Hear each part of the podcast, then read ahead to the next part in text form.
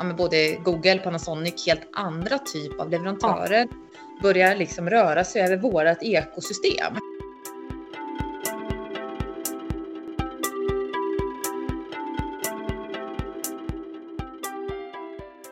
Hej, hallå och varmt, varmt, varmt, varmt, varmt välkomna till podden Framtidskraft. Den här gången ifrån Östersund, Stockholm och Norrköping. Men eh, det är ju inte ett dugg konstigt i de här dagarna att man kan vara tillsammans, men ändå på olika ställen. Jag hoppas att du har det bra där du är just nu och jag är så glad åt att du tar den här tiden och hänga med oss en liten stund. Oss, det är ju jag, Karin Bodén och så är det du, Daniel. Hallå, producent Daniel! Hallå där! Det är jag som eh, sitter i Stockholm då. Hur är det i Stockholm och hur är det med dig? Jo, men det är bra med mig och det är också bra i Stockholm. Ja. Eh, ja, vackert väder och våren är antågande och allt det där du vet. Men det kanske är likadant i Östersund. Ja, nästan. Lite kyligt har vi faktiskt än så länge, Ja. men nästan. Och nu så ska vi, ta oss, ska vi också koppla in Norrköping idag då. Vi ska träffa Alexandra Birger Rör. Hon är chef för någonting som heter New Venture som arbetar med nya marknader inom SMHI. Ja, för vi gillar ju att kolla lite grann utanför våra branschmurar för att hämta in inspiration och spana på de som kanske ligger lite före oss i den här transformationen som vi ju alla ska in i. Och det finns faktiskt stora likheter mellan SMHI och energibranschen. En hög IG skulle jag vilja säga. Mm. Och IG är då Eh, igenkänningsfaktor. Ja, okej. Ja, du slänger det med så bra eh, fräna termer du. Eller hur? Jag är rätt cool är jag. Ja, här i Stockholm är vi lite efter, jag har inte kommit hit. Ja, hörru, nu ska vi tillbaka till 2014, för det är året när SMHI skakades om rejält, då all deras data släpptes fritt. Den röda mattan var utrullad och in kom nya aktörer och spelplanen förändrades snabbt. Alexandra Birger Rör berättar att de på SMHI märkte att deras metod för förändring inte räckte till. Det är egentligen ett, eh, ett EU-direktiv från början Okej. eh, som har gjort att alla myndigheter eh, i, och många i Europa eh, jobbar med öppna datamängder. Och det är ju fantastiskt. Det startar ju massa innovationer på det som myndigheter och offentliga organisationer kan skapa. Eh, men det däremot förändrar ju spelplanen när det gäller hur finansieringsformer ser ut Mm. och, och vad liksom hur, hur man bedriver affärer. Så man liksom kopplar till andra omställningar så förändrar det både efterfrågan, alltså vad för typ av problem vi skulle lösa till kunder. Eh, det resulterade också helt förändrade, vad är det man kan eh, ta betalt för, på vilket sätt tar vi betalt? Affärsmodellerna förändrades, så det blev ju liksom en så stark liksom, förändring eh, som påverkade liksom många av skruvarna, muttrarna i fabriken kan man ju säga. Men Märkte ni att ni blev eh, frånsprungna på något sätt? Eller vad var det, hur yttrades det här konkret? Ja, jag tycker, eh, jag tycker för ett par år sedan, då skrevs det väldigt mycket om i tidningarna också. Jag ska inte säga att vi blev frågespringare, men det som verkligen tog- kändes i magen. När Panasonic släppte en egen vädermodell, det tror jag, det surrade nog ordentligt hos oss, skulle jag säga. Eh, så här, vad, vad händer nu när de här, när klassiska aktörer, när vem som är liksom konkurrenter, om man kan säga så, eh, blir ett helt annat. Är det så att den här tekniken, är vi inte längre bäst på våra egna tekniker så ens? Det, Mm. det, det, det var väl en tydlig grej att det eh, att är det, och då kan man titta även om man kopplar liksom in på snävar in på produktområdena när små startups klarar av att producera vindprognoser med högre kvalitet. Så här, vad, vart, vad är våran roll då som leverantör liksom i det? Mm. Så det är väl tydliga liksom, marknadsexempel. Var det för att varför var det just att Panasonic kom med den här som gjorde att det kändes i magen menar du? Nej, ja, just, ja, i just det fallet, det finns nog många exempel, men det är väl ett sånt här, liksom, tydligt exempel när ja, men både Google, Panasonic, helt andra typ av leverantörer börjar liksom röra sig över vårt ekosystem. Just det. Eh, och Mm. som vi inte ens knappt hade nog kunnat föreställa sig eh, innan att det skulle kunna hända om man hade hoppat tillbaka några år. Liksom. Berätta, vad hände då inom ditt team? Vad sa ni? Hur, eh, hur reagerade ni? just, just det här med vädermodeller kommer jag inte ihåg, men jag tror att det vi jobbade med ganska mycket innan, eh, innan vi började med att jobba liksom ut, eh, vad ska man säga, sortera ut nya satsningar inom ventureområdet. Det som eh, egentligen triggade vårat, våra team och vår marknadsavdelning handlar nog mer om att hur vi skapade produkter, hur vi liksom hade eh, inte riktigt levde som vi lär. Vi ville vara när, närmare, men vi lyckades liksom inte ta steget ut och vara det. Så att, eh, det var nog snarare behovet av att komma närmare våra kunder som var det som kanske kändes mest i magen. Att, att vad, vad, är vi inne på för linje liksom? Vi behöver förstå mer. Och vad gjorde ni då? Vad blev ja. ert nästa steg? Ja, eh, vårt första steg eh, är ju egentligen en, en ganska rolig, spännande historia. Vi, eh, vi hade en idé om att just många av de här startups som börjar röra sig in i vårt ekosystem, vad är det de gör då som gör att de skapar saker i en annan hastighet än vad vi, att möta kundproblem snabbare än vad vi kunde åstadkomma. Eh, så att vi eh, inom ett projekt så tog vi fram eh, ett anta, vi började designa experiment. Experiment som skulle innebära att testa vilka av de här, vad ska man säga, tekniken och arbetsprocesserna som används ut i innovationssystemet kan också appliceras på vår organisation. Eh, vi väldigt systematiskt liksom konstruerade mikroexperiment för att testa tekniker och eh, då hette de allting från att eh, kan vi bli snabbare för att förstå hur vi hittar nya partners att jobba med? För det var en sån tydlig framgångsfaktor. Hur kan vi, Eh, hur kan vi bättre förstå och snabbare styra om om vi, är, eh, om vi gör rätt i möten. Eh, hur, hur identifierar vi? Eh, hur blir vi bättre på att pitcha vad det liksom vi kan göra som leverantör? Och så eh, gjorde en hel del ganska fåniga små experiment och en del knasiga. Vi testar allting från att eh, behöver vi utsätta oss mer för det oväntade? En hel del av våra personer fick åka ut på, på mässor och på kundmöten där vi från början tänkte här hör vi absolut inte hemma för att se hur, vad händer då till exempel. Eh, mm. och allt det här liksom konstruerade en playbook över hur vi kan eh, hitta nya sätt och möta kundproblem. Eh, och det mest överraskande kanske med dem är att det inte bara resulterade i så här, så här skulle vi kunna jobba, utan i slutet av det projektet så stod vi med, om jag minns rätt så var det i alla fall tio stycken väldigt, väldigt skarpa innovationscase att gå vidare med som en del av det också en del av vårt utbud idag som liksom blev output från det. Eh, så det kändes framgångsrikt då. Kan du säga någon av dem som vi har sett som är någon av produkterna idag? Som kommer eh, ja, eh, vi eh, jobbar mot eh, skogsindustrin som vi faktiskt inte gjorde alls innan och hjälpte dem med att eh, jobbiga problemet med markskador i samband med skogsavverkning. Mm. Eh, då kan man tänka att det bara handlar om att det ser fult ut ute i skogen och det gör det inte, utan det handlar också eh, hemska miljöeffekter det får på återväxt och på våra sjöar. Eh, så att vi helt enkelt konstruerat en alldeles ny prognosmodell som kan ta reda på vart en tung skogsmaskin ska köra. Som mm. används, eh, utvecklades tillsammans med eh, Stora Enso som är ju en jätte, jättestor skogskoncern. Så det var liksom en av experimenten var att testa, kan vi samarbeta bättre, samskapa bättre. Och det här blev då output som faktiskt också nu används och finns ute på marknaden. Eh, väldigt roligt. Alltså det här med nya aktörer som, eh, som kommer in på eh, spelplanen, det är precis det vi i energibranschen pratar jättemycket om. Mm. Eh, kan du utveckla det lite grann? Alltså vad, vad innebar det när det dök upp nya aktörer? Blev ni stressade? Blev ni inspirerade blev? Vad, vad hände hos er? Ja, alltså det hände nog olika saker. Jag tror att eh, det hände som på många institut som liknar vårt, en helt enkelt så här, äh, det går inte. Det, det, kan liksom, man kan inte, det, det, kommer ändå inte vara lika bra som det vi gör. Och sen ett helt gäng som, eh, som jag själv kan kanske ställa mig till som bara, gud, det här kan ju ta vägen precis var som helst. Vi, vi kan stå och vara helt irrelevanta mm. imorgon.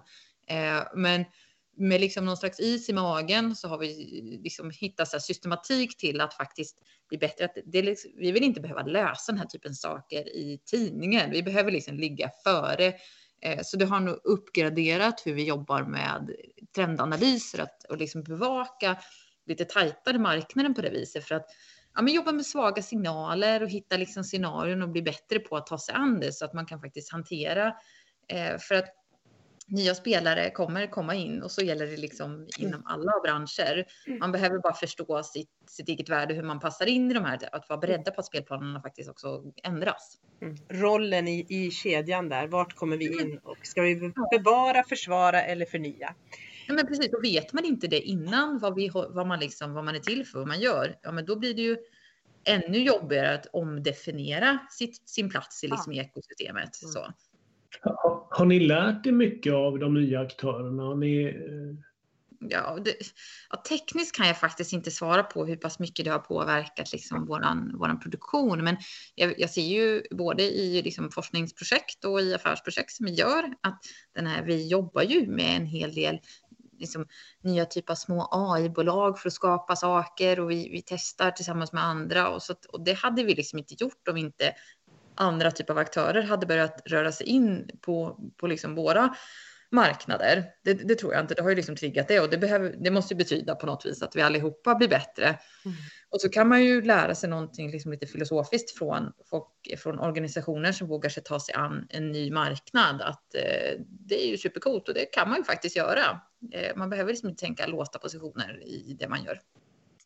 Har den här utvecklingen inneburit att ni har börjat jobba med andra frågor än vad ni gjorde tidigare. Så när du berättar om den här skogsindustrin så tänker jag tänker hela tiden SMHI, väder och grejer. Men... Det har det också.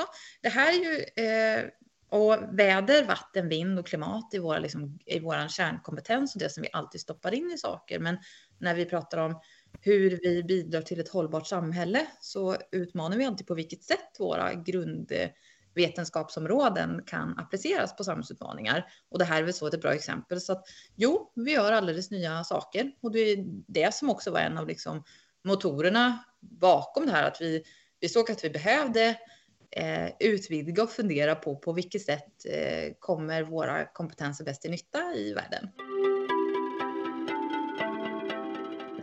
Ja, men du är inne här på um, kunder och affären och sådär. Samtidigt så är ju SMHI eh, har ju två ben. Det är väl både ett myndighetsuppdrag och en affärsverksamhet. Vad, vad ställer det för speciella krav när man gör en sån här förändringsresa? Eh, ja, ganska många. Eh, vi har ju som vi är också lite så här speciellt djur för att vi är den enda myndigheten som ska bedriva, som har, liksom har inskrivet i vårt regleringsbrev att vi ska bedriva affärsverksamhet. Vi är liksom inte ett mm. affärsverk och vi är heller inte ett statligt ägt företag, utan en del av våra saker är avgiftsfinansierade eh, helt enkelt. Så det, det, är liksom redan från början en, en annorlunda spelplan. Och det här känner jag lite grann, inte exakt såklart, men lite grann så liknar det också energibranschen med eh, elhandel och eh, även nätsidan. Ja. Skulle man kunna säga. Ja, men, och då känner man ju säkert igen den kombinationen att man hela tiden liksom måste ha den stora hatten på sig. Att vad är det vi ska åstadkomma? Och där är det som ett mantra för oss att att vi, eh, vi ska åstadkomma samhällsnytta och en del av den samhällsnyttan bekostas via anslag och en del av den bekostas eh, via olika former av forskningsanslag och eh, avgifter, alltså via liksom traditionella kommersiella intäkter. Du var inne tidigare på att prata om de här eh, olika experimenten som ni har gjort. Eh, ja. Har ni liksom avslutat dem eller fortsätter sånt där hela tiden? Eller har ni liksom, var det kicken igång i er transformationsresa eller hur ser det ut? Det var ju verkligen kicken igång, men vi fortsätter göra dem. Om man säger kicken igång var, egentligen började vi med att göra ett helt annat projekt. Vi hade fått en, en jättebra projektbudget och göra någonting som vi, en del av oss som jobbar med ledning runt det här projektet, halvvägs inser så här, det vi gör nu är helt vansinnigt. Nu är vi, nu är vi liksom långt ifrån att göra det, jobba fram nya saker på det sättet vi borde göra. Så mitt i det här projektet så gick vi tillbaks, vi skulle hålla en statusuppdatering i vår ledningsgrupp och jag sa så här, vi skulle vilja använda resten av budgeten till att pröva någonting helt annat. Det här tar oss ingenstans där vi håller på med. Så att de första experimenten blev ju viktiga, för det var också eh, det var myterit liksom i vår marknadsavdelning verkligen att börja jobba på ett nytt sätt. Men det här att fortsätta systematiskt att utvärdera och testa nya sätt att jobba. Det har liksom blivit en naturlig del och där den funktionen som jag representerar, där vi har ett, ett uppdrag in i organisationen att bidra med just arbetssätt och pröva ut nya sätt att jobba. Så att det gör vi ju fortfarande i allra högsta grad. Även på liksom KPI-nivå. Mm.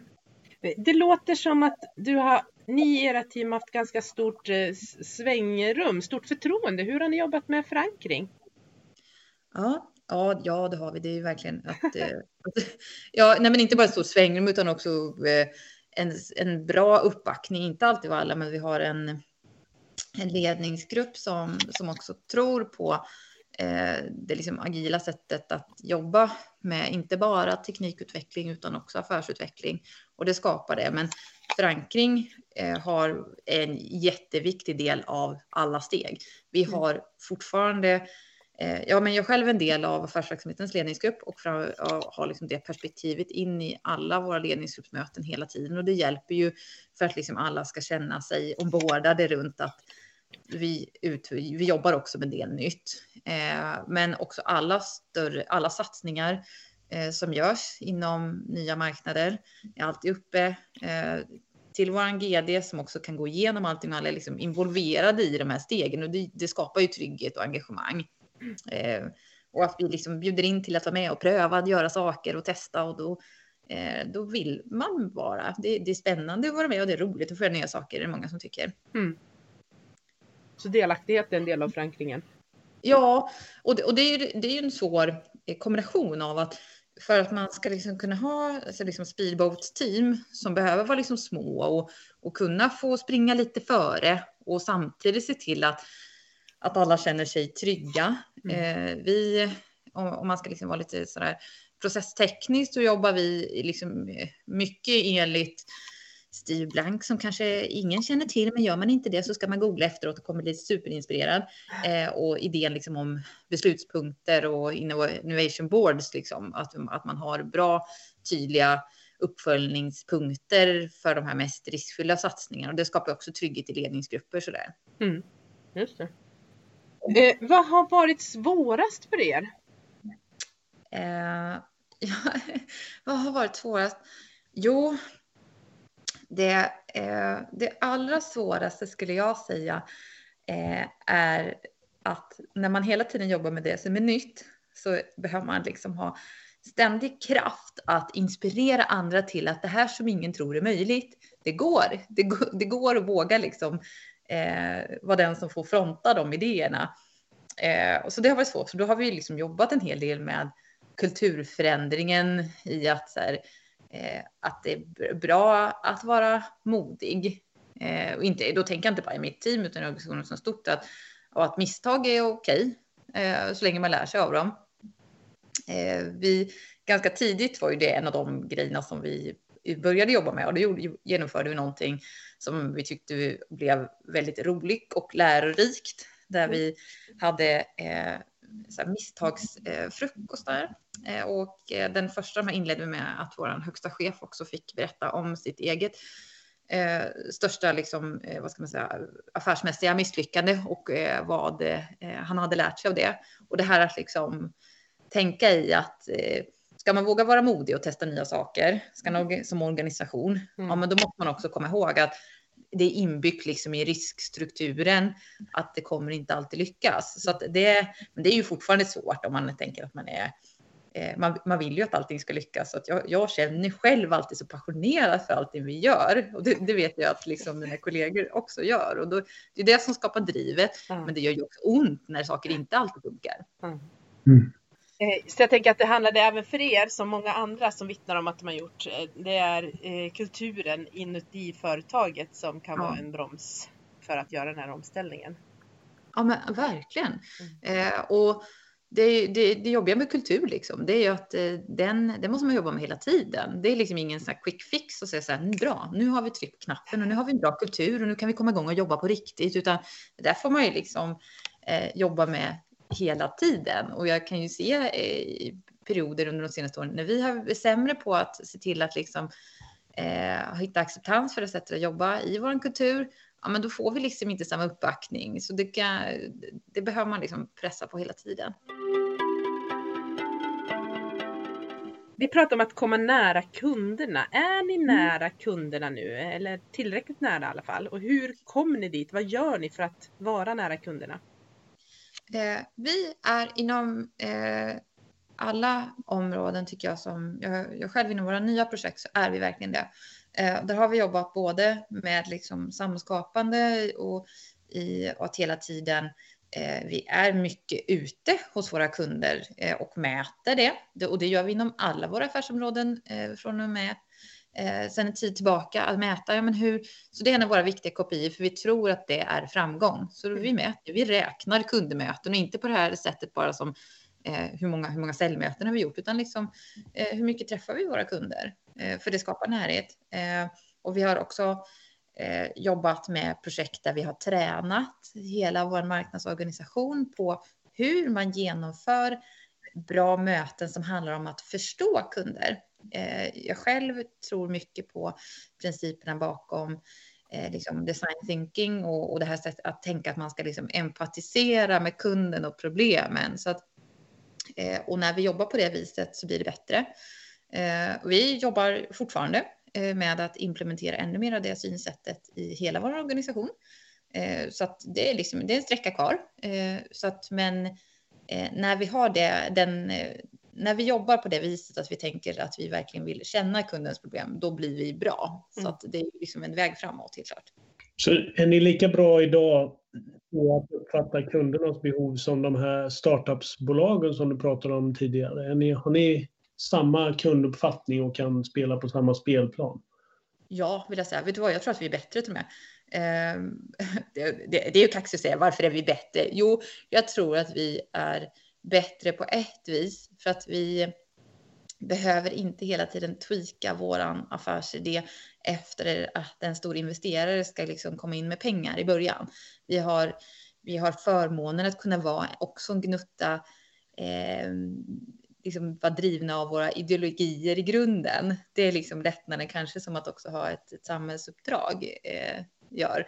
Så att vi, eh, vi är, tittar inte bara på hur på vilket sätt ska man vilja köpa våra saker utan och, och det tror jag gör oss liksom bra. Det öppnar också många. Vi, ja, jag älskar att vara ute och intervjua eh, olika aktörer eh, och för, för den fantastiska öppenhet som liksom världen visar oss och det tror jag att vi har nytta av att vara en myndighet, att vi får mer öppenhet på grund av det. Just det. Kan du dela med dig av dina viktigaste insikter under SMHIs transformationsresa? Um, ja, eh, de viktigaste insikterna. Jag kan, aha, eh, den, nej, men jag tänker den viktigaste insikten i att eh, in, försöka inspirera andra till att förstå varför det är så viktigt att förstå sin kund, att det inte är så himla omöjligt som man kan tänka sig om man liksom inte är van att jobba så. Det är att tänka så här, folk älskar att berätta om sina problem. Folk älskar att berätta vad som är jobbigt. Eh, jag har en sån här fråga som jag ställer i många nya kundmöten eh, mm. som alltid startar en flod av eh, berättelser om liksom. Och då brukar jag fråga folk så här, men du, vad är det som gör att du är bra på ditt jobb? Hur, liksom, eh, hur blir man bra? Vad, vad, hur är du när du är bra? Och vad gör du då? Och din uppgift? Och det brukar starta väldigt mycket så konkreta saker där folk berättar om både utmaningarna i sin organisation, utmaningar de står för i sin roll i det systemet, eh, som faktiskt också Liksom, utan att man behöver prata så mycket, säger också en hel del om både hur man kan hjälpa den kunden ja. på riktigt viktigt liksom. Så att det är så här, ställ dumma frågor och låt dem vara lite, lite knasiga. Det gör ingenting. Så. Var lite knasig med andra ord. Ja, är din uppmaning till energibranschen? Det är min uppmaning. Nej, men att verkligen så här, våga, våga ställa lite. Om, om man tänker om jag hade ställt frågan till en eh, eh en, eh, en tillståndsreglerare någonstans och ställt den frågan så här, men hur, hur, hur blir man bra på det du gör? Det svarar på del av frågorna om varför är det så omständigt och varför kan beslut ta så många år? Mm. Eh, för att jo, jag behöver vad det nu är de säger liksom. Ja. Så att jo, jag, jag, tror att det får det vara mitt råd. Tusen tack Alexandra för att du var med här i podden Framtidskraft. Tack själva, jättespännande.